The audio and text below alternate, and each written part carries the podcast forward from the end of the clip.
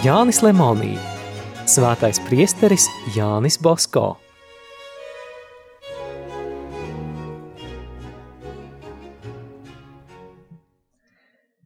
Sevišķi savos pēdējos dzīves gados Jānis Bosko varonīgi praktizēja kristīgos tikumus. Tuvinieki viņu lūdza nedoties tik garos, nogurdinošos ceļojumos. Bosko atteica: Man jāpasteidzas pabeigt to, ko esmu iesācis, citādi pietrūks laika. Viņam atgādināja, ka ceļodams viņš padarīs daudz, bet savu veselību saudzēdams un neceļodams, viņš ilgāk dzīvos un paveiks to pašu. Nē, priestris atteica. Ja es gribu, lai mana dvēsele tiktu atpestīta, tad nevaru citādi rīkoties. Virs Jāņa Bosko istabas durvīm bija piestiprināts uzraksts: Katrs brīdis ir liela bagātība. Arī savus garīgos dēlus viņš mācīja: strādāsim tā, it kā mums būtu mūžīgi jādzīvo. Strādāsim tā, it kā mums šo pašu dienu vajadzētu mirt. Savā piezīmju grāmatā, starp citiem padomiem, ko viņš rakstījis salīdzjāņiem, ir arī šie skaistie izteiksmīgie vārdi. Ja gadītos, ka no pārpūles strādājot dvēseļu pestīšanas labā, kādam salīdzjānim būtu jāmirst, tad varētu sacīt, ka mūsu kongregācija ir guvusi lielu uzvaru, un tā ir tiesības no debesīm saņemt sevišķu palīdzību. Pēdējos viņa dzīves gados ārsti, kas Bosko apmeklēja, liecināja, ka smagais darbs, lielais sasprindzinājums un pašaizliedzība salauzusi viņa tik stipro veselību. Tā laikā priesteris staigāja salīcis. Priestera garīgie dēli parasti centās viņu atbalstīt pie elkoņa. Tomēr mums bija brīnums, raksta priesteris Čerutī, jo viņu redzējām vienmēr mierīgu, līksmā gara stāvoklī, apņēmīgu pat tad, kad Dievs viņam sūtīja negaidītus pārbaudījumus. Bosko saglabāja mieru arī tajos gadījumos, kad viņa žēlsirdības darbiem sāka trūkt sabiedrības atbalsta. Bez dziļas ticības un īpašas dieva žēlastības tāda rakstura viengabalainība nav iespējama. Ja kāds salīdzjānis sāka kurnēt un gausties, mīļais tēvs viņu pamācīja: Ko baidies? Ir taču vēl Dievs Izrēļa tautā. Arī man bija jābrīnās, raksta kardināls Alimonde. Gan iepriecinājumos, gan bēdās priesteri Bosko redzot ar vien labā gara stāvoklī. Es apbrīnoju viņa pilnību, kādu tik grūti sasniegt pat daudz labvēlīgākos apstākļos. Viņš bija līdzsvarots un mierīgs pasaulē tādēļ, ka bija atdevies dieva aizsardzībai.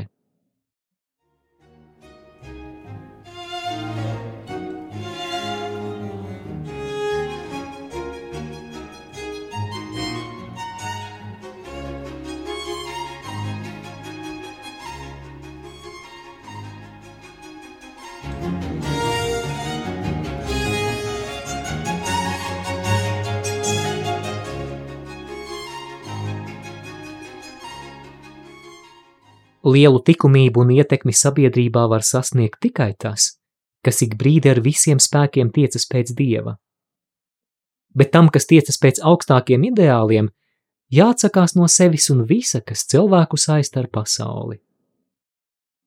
Priesterim Bosko uzupurēšanās un pašaizliedzības tikums piemita visaugstākajā pakāpē.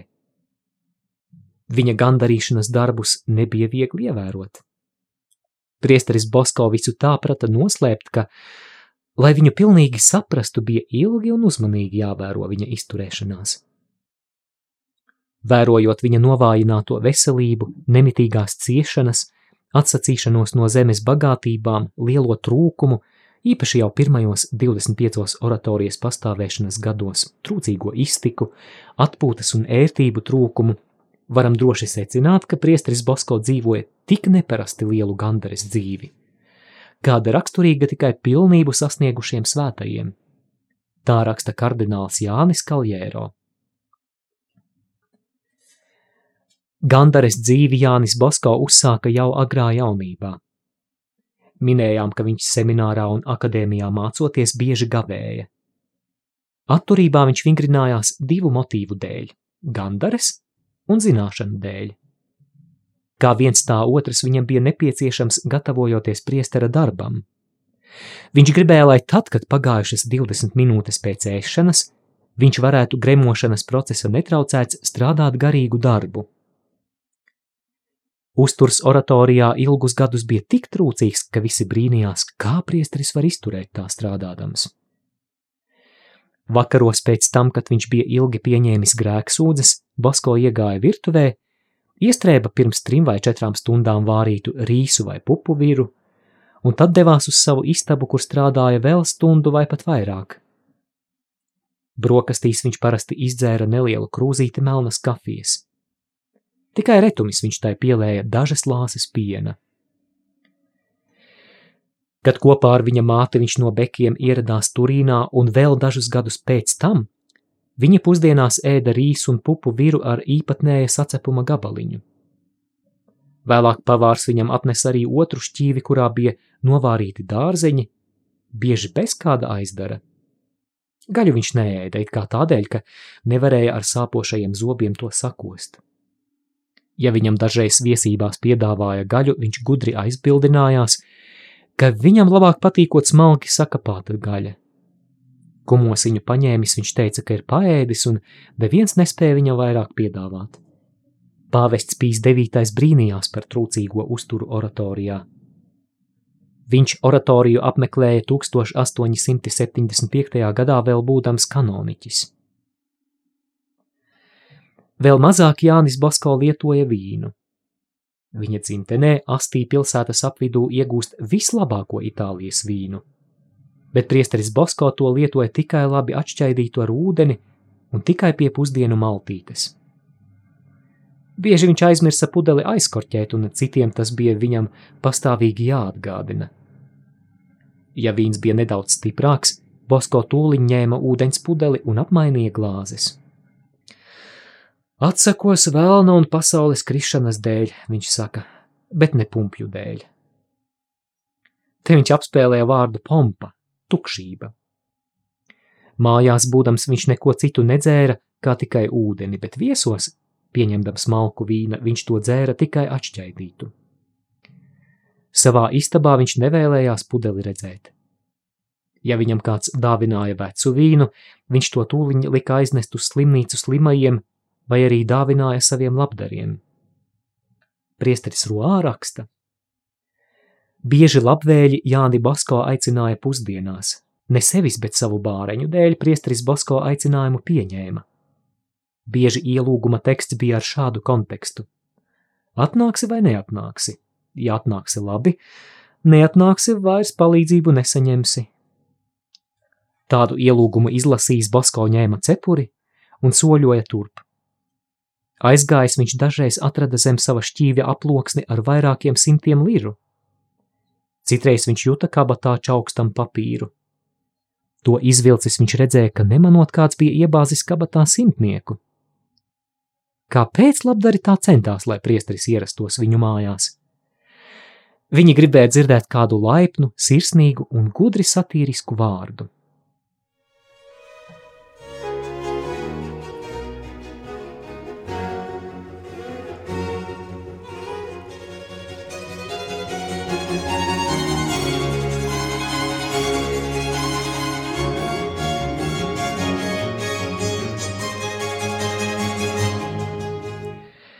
Jānis Bosko maz gulēja, Līdz 50 gadu vecumam viņš atpūtās tikai 5 stundas, bet vienu nakti nedēļā strādāja līdz pat rītam.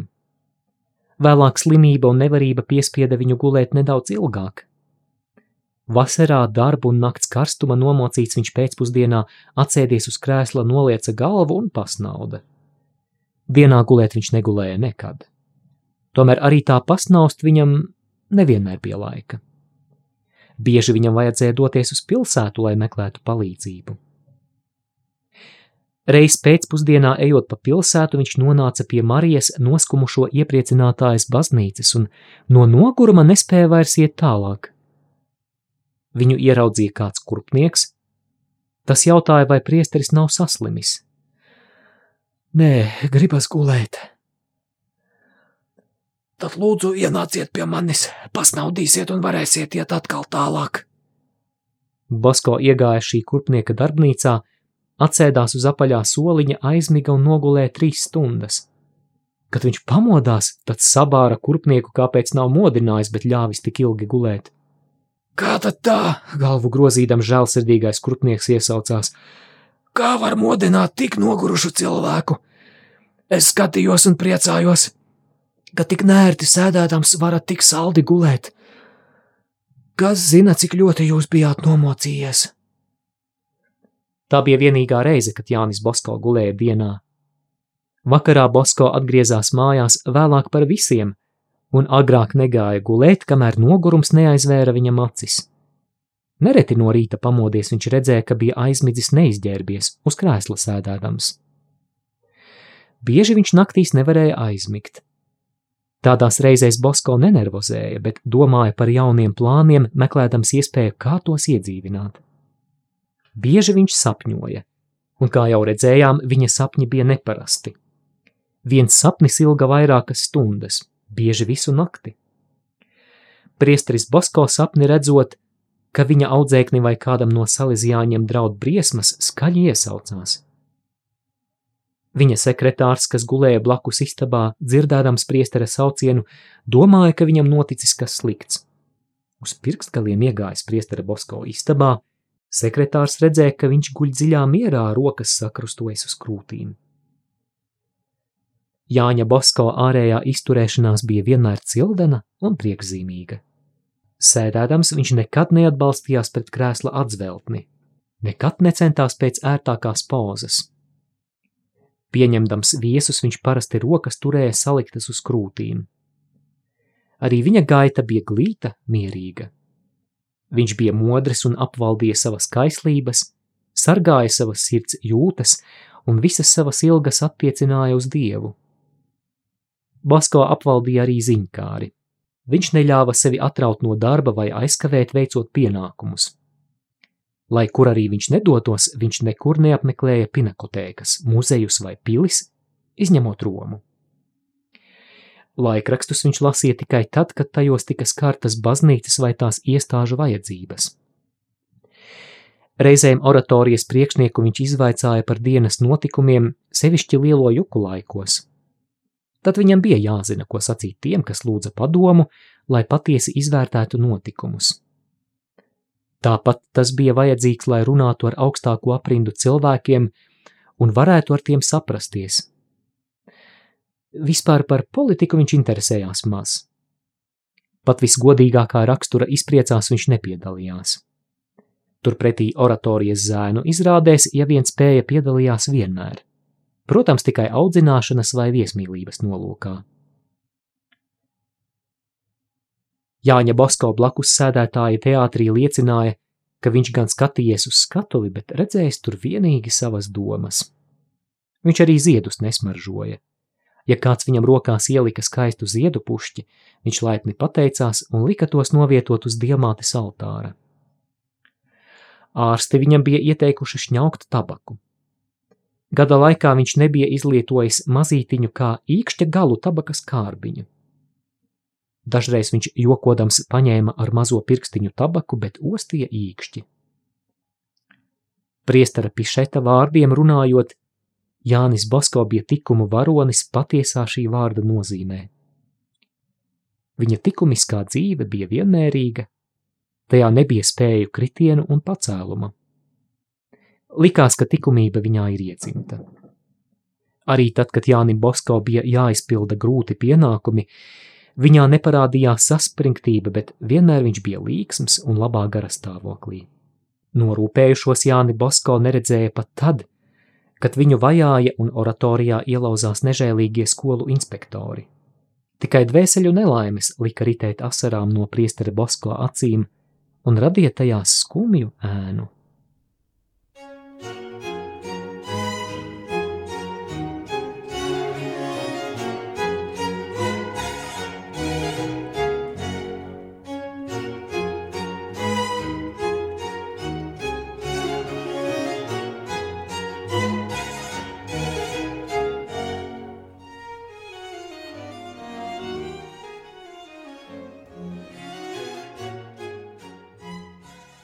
Mēs esam pārliecinājušies, ka priesteris Bosko izpildīja arī asus, sevišķus gandares vingrinājumus. Dažreiz viņa gultā starp matračiem un palagu bija salikti zvirgzdi un skaidas. Arī naktī viņš neļāva jau tā darbā nogurušajam ķermenim atpūsties. Tādu asu gandari viņš piekopa īpaši tad, kad apmetās savu turīgo labdaru namos. Tur viņš varēja būt mierīgs un pārliecināts, ka neviens viņu neizsekos. Dažkārt gadījās, ka vēlu vakarā, iedami garām Jāņa Bosko istabai, saimnieki dzirdēja vienmuļu, tikko dzirdamu sitienu troksni. Tomēr saviem audzēkņiem Jānis Bosko tādu gandarīšanu ne tikai neieteica, bet pat stingri aizliedza, vismaz bez biktstāva atļaujas. Pats pieņemot grēksūdzes, viņš nelabprāt atļāva stingrus gandares darbus – Vājākiem cilvēkiem un jauniešiem, kas lūdza atļauju gavēt vai šaustīties, viņš atteica: Nē, jums es to neļauju. Arī bez šaustīšanās jums netrūks izdevības gandarīt. Karstums, augstums, slimības, notikumi, cilvēki, dažādas darīšanas mums var būt kā gandarīšanas ieroči. Ļoti piesardzīgs priesteris bija attiecībā pret šķīstību. Vīriešiem viņš ļāva sev skūpstīt roku nevis lepnības dēļ, bet dievišķā svaidījuma dēļ, ko bija saņēmis reizē ar priesterības sakramentu. Dažreiz viņš ļāva savu roku noskūpstīt arī sievietēm, bet nekad pirmais viņas nesveicināja, kaut arī tā būtu bijusi viņa vislielākā labdare. Ja nu kāda kundze aicināja Jāni Bosko savā pajūgā, kad gadījās kādreiz kur braukt, viņš laipni pateicās, bet ja bija viens, nekad neiekāpa. Marseļā stāsta priesteris Albērs, kāda kundze palūgusi no priestera Bosko svētību un to saņēmusi, gribēja saņemt priestera roku un piespiest pie sāpošajām acīm. Bosko atrāva roku un stingri sabāra sievieti. Vai jūs nezināt, ka priesterim nav atļauts aizskart sievietes seju? Būdams vecs, Bosko apciemoja kādu ģimeni. Toreiz viņam jau bija grūti staigāt, jo kājas pastāvīgi bija satūkušas. Pa kāpnēm kāpjot mājas saimniece viņu gribēja pieturēt aiz elkoņa. Kā? viņš atvairījās. 15. 1815. gads ir viņa dzimšanas gads. Gada karavīru vajadzēs raut aiz elkoņa? Tāda negoda nebūs nekad.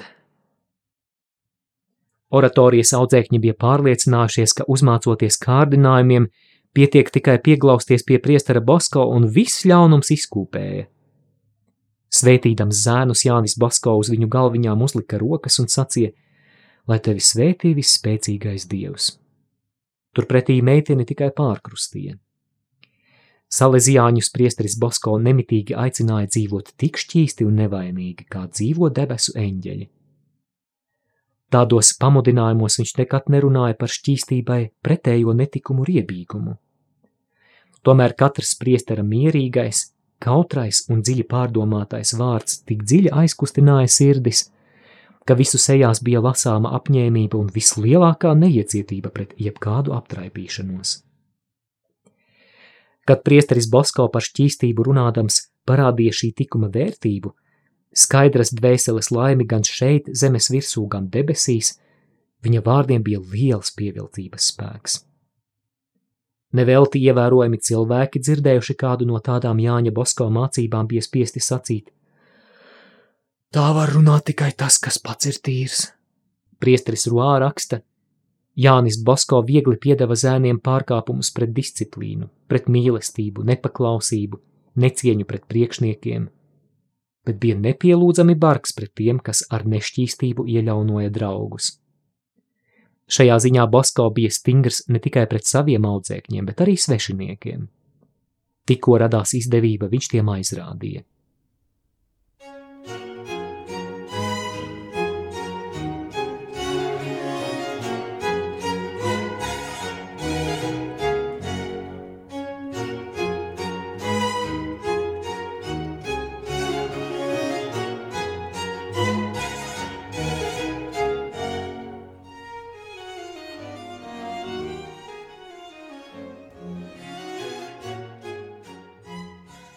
Reiz viņš bija aizgājis apmeklēt kādu savu labdari. Tā mājā pie sienas atradās nevisai likumīgi attēli. Uz mirkli saimnieks bija izgājis. Priesteris Bosko palicis viens, apgrieza šos attēlus uz otru pusi un tā tos atstāja. Saimnieks pēc tam šo rīcību saprata un lūdza par to Jānim Bosko piedošanu. Šajos pašos ietvaros viņš ierāmēja citus mākslas darbus. Kādā lekcijā priesteris Bosko Salīzjāņiem sacīja, ka Dievs izkaisīs kongregāciju kā vējš rudens lapas, ja vien tās locekļi sāks kaut kā noziegties pret šķīstību. Citu reizi viņš īpaši izcēla šo domu. Visraksturīgākajam mūsu kongregācijas tikumam jābūt šķīstībai. Tāpat kā franciskāņu pazīme ir nabadzība, bet jezuītu paklausība. Nobeigsim šo nodaļu ar priestera Bosko audzēkņu vārdiem. Tie kā svinīga himna pauž to vairāku tūkstošu paļāvīgo dēlu cieņu mīļajam tēvam un svētajam priesterim. Esmu dziļi pārliecināts, viņu visu vārdā raksta kanoniķis Barone, ka priesteris Bosko aizgāja kopā ar savu kristības nevainību. Šķīstība plūda no viņa skatiena, no viņa izturēšanās, no viņa vārdiem un darbiem. Kas redzēja priesteri Bosko, tas izjuta arī šī tikuma smaržu.